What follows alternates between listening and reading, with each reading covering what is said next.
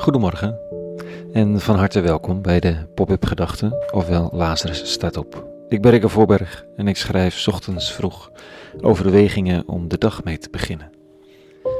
Nog één week nog en dan is het tijd voor een vakantiebreak. Vandaag met de titel Zou er geluisterd worden? Pop-up Gedachten maandag 13 juli 2020.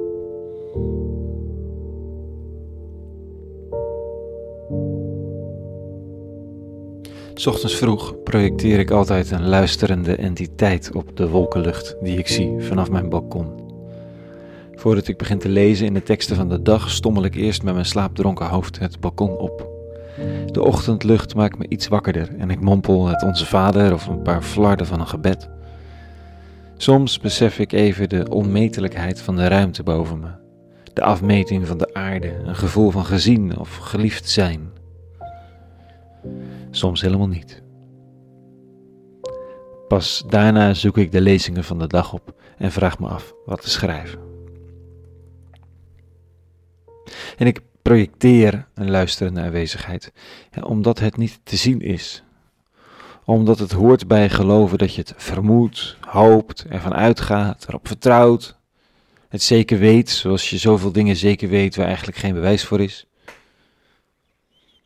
En ik Stuur mijn gedachten, mompel flarden van gebeden, leg zorgen en, en de aandacht voor geliefden neer in een oneindig heelal. En soms voelt het alsof er iets luistert.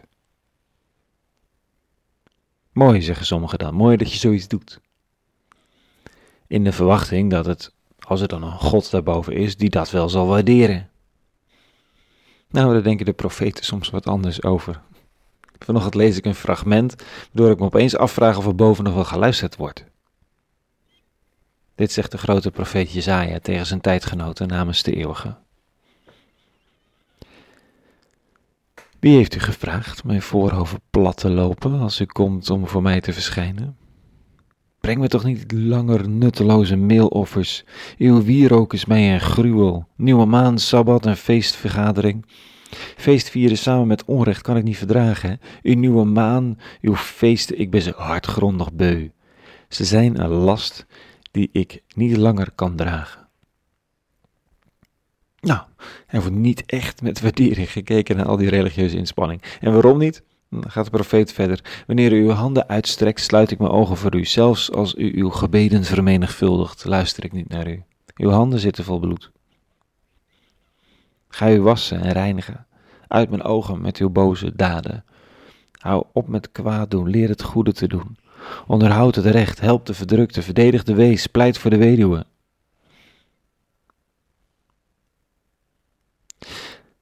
Profetenwoede, zoals deze, kan volgens Abraham Heschel, die een briljant boek schreef over het zijn en de ziel en de inzet van de profeten, het kan over kleine dingen gaan, relatief gezien dan.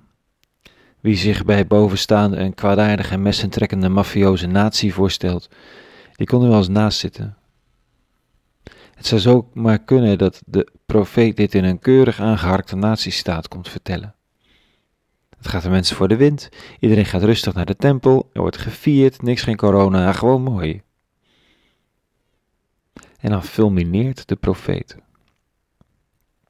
En ik besef dat dezelfde kritiek dus op ons te uiten zou kunnen zijn. Wordt er nou werkelijk door ons allen serieus gezorgd voor verdrukte wezen en weduwen? Wordt hun recht verdedigd? Dat is hier een wat juridische termen. Het gaat even om het idee.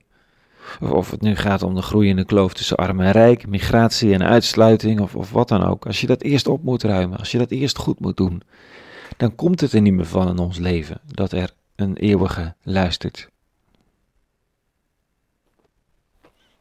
Wie de profeten bestudeert, valt het op dat ze zo ontzettend goed op de hoogte zijn van de politieke situatie.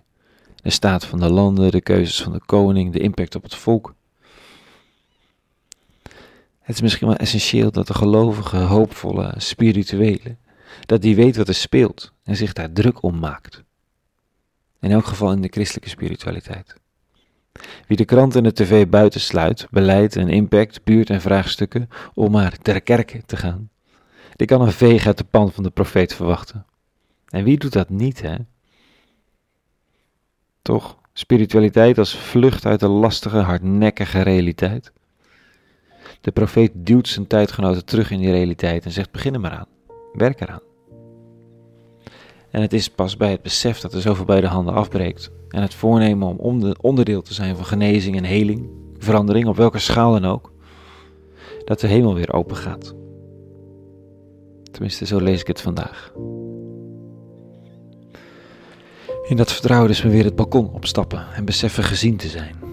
Geliefd met de voortdurende vraag om ook lief te hebben. Het soms zo ontspannen, soms zo pittige werk van liefhebben.